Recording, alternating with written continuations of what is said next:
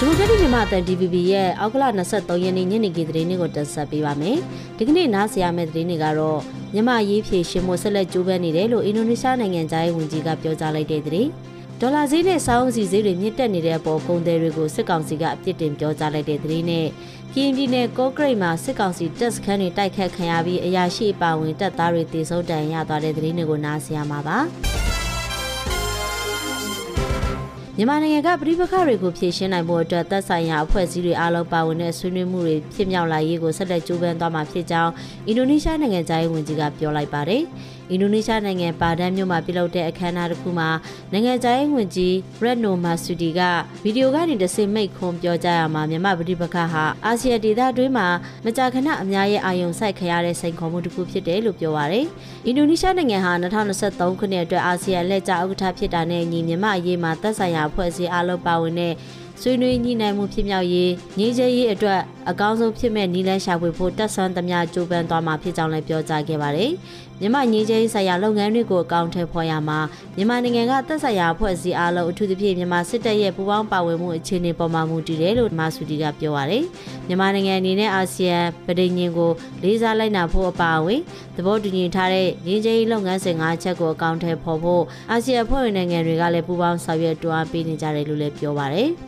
မြန်မာပြည်ရင်းဈေးကွက်မှာအမေရိကန်ဒေါ်လာဈေးနှုန်းနဲ့စောင်းစီဈေးတွေမြင့်တက်မှုဟာကုန်သည်တွေရဲ့မတော်လောဘကြောင့်ဖြစ်တဲ့နာထက်ပိုပြီးအမျက်တင်ရောင်းလို့ဖြစ်တယ်လို့စစ်ကောင်စီပြောရေးဆိုခွင့်ရှိသူကပြောလိုက်ပါတယ်။ဩဂတ်လ22ရက်ကနေပြည်တော်မှာကျင်းပတဲ့သတင်းစာရှင်းလင်းပွဲမှာဗိုလ်ချုပ်စော်မင်းထွန်းကပြစ်တင်ပြောဆိုလိုက်တာပါ။အဲဒီလိုဈေးနှုန်းမြင့်တင်ရောင်းဝယ်နေတာတွေအပေါ်ထိုက်တဲ့အရေးယူဆောင်ရွက်မှုတွေလုပ်ရလိမ့်မယ်လို့လည်းပြောပါတယ်။လက်ရှိမှာစစ်ကောင်စီဘိုးဘန်းဟာ ဒေါ်လာကို2100နှုန်းသတ်မှတ်ပြီးဗဟိုဘဏ်ရဲ့ online ရောင်းဝယ်စနစ်မှာတော့တွင်းကုန်သမားတွေကိုဒေါ်လာ2920 2922ကျပ်နဲ့ရောင်းချပေးနေတာဖြစ်ပါတယ်။ တစ်ဖက်မှာလည်းဒေါ်လာဈေးမြင့်တက်တာကိုထိန်းချုပ်နိုင်ဖို့စစ်ကောင်စီလက်အောက်ခံဖို့ဘဏ်ဟာပြီးခဲ့တဲ့ရက်ပိုင်းအတွင်းမှာစီးပွားရေးလုပ်ငန်းရှင်တွေကိုခေါ်ယူတွေ့ဆုံခဲ့ပြီးဈေးကစားရင်အရေးယူခံရလိမ့်မယ်လို့ချိန်ချောက်ခဲ့ပါတယ်။အလားတူတာမန်ပြည်သူတွေအဓိကစားသုံးတဲ့စောင်းစီဟာလည်းဒေါ်လာဈေးနဲ့အပြိုင်တရိပ်ရိပ်ဈေးနှုန်းမြင့်တက်နေပါတယ်။ဒါနဲ့ပတ်သက်လို့စစ်ကောင်စီလက်အောက်ခံရင်းနှီးမြှုပ်နှံမှုနဲ့နိုင်ငံခြားစီးပွားဆက်သွယ်ရေးဝန်ကြီးဌာနဒုဝန်ကြီးဒေါက်တာဘော်ဘော်အောင်ကစီးပွားရေးလုပ်ငန်းရှင်တွေအနေနဲ့ရာတင်ရထိုက်တဲ့အမျက်ကိုပဲယူကြဖို့သတင်းစာရှင်းလင်းပွဲမှာပြောခဲ့ပါတယ်။ပြည်သူတွေဟာ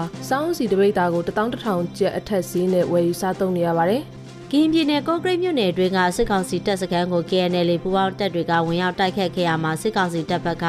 ဗိုလ်ကြီးပါဝင်9ဦးသေဆုံးပြီး15ဦးဒဏ်ရာရှိခဲ့တယ်လို့ကြားဖြူစစ်ကြောင်းကအောက်ဂလာ20ရက်နေ့မှာထုတ်ပြန်ပါတယ်။အောက်ဂလာ18ရက်နေ့နဲ့19ရက်နေ့တွေက စစ်ကောင်စီတပ်တွေတပ်ဆွဲထားတဲ့တောင်ကြအင်းစခန်းကော့ဂရိတ်မြဝရီတောနော်ရီတကိုအနီးတောင်ကြအင်းရဲစခန်းတောင်ကြအင်းအစာတင်ကျောင်းစားတဲ့နေရာတွေကိုတပြိုင်တည်းဝင်ရောက်တိုက်ခိုက်ခဲ့တာဖြစ်ပါတယ်။အောက်ဂလာ19ရက်နေ့ကစစ်ကောင်စီတပ်တွေဟာလက်နက်ကြီးတွေနဲ့တောင်ကြအင်းကျေးရွာအတွင်းကိုပစ်ခတ်ခဲ့တဲ့အတွက်အမျိုးသမီးတူဦးကောင်းလက်နက်ကြီးထိမှန်သေဆုံးခဲ့ပြီးဒေသခံရွာသားတူထိမှန်ဒဏ်ရာရှိကလူနေဆယ်လုံးကျော်ပျက်စီးခဲ့တဲ့အပြင်မြောက်ကြိုင်ကျေးရွာကဒေသခံပြည်သူတွေဟာလည်းထွက်ပြေးတိမ်းရှောင်နေရပါတယ်။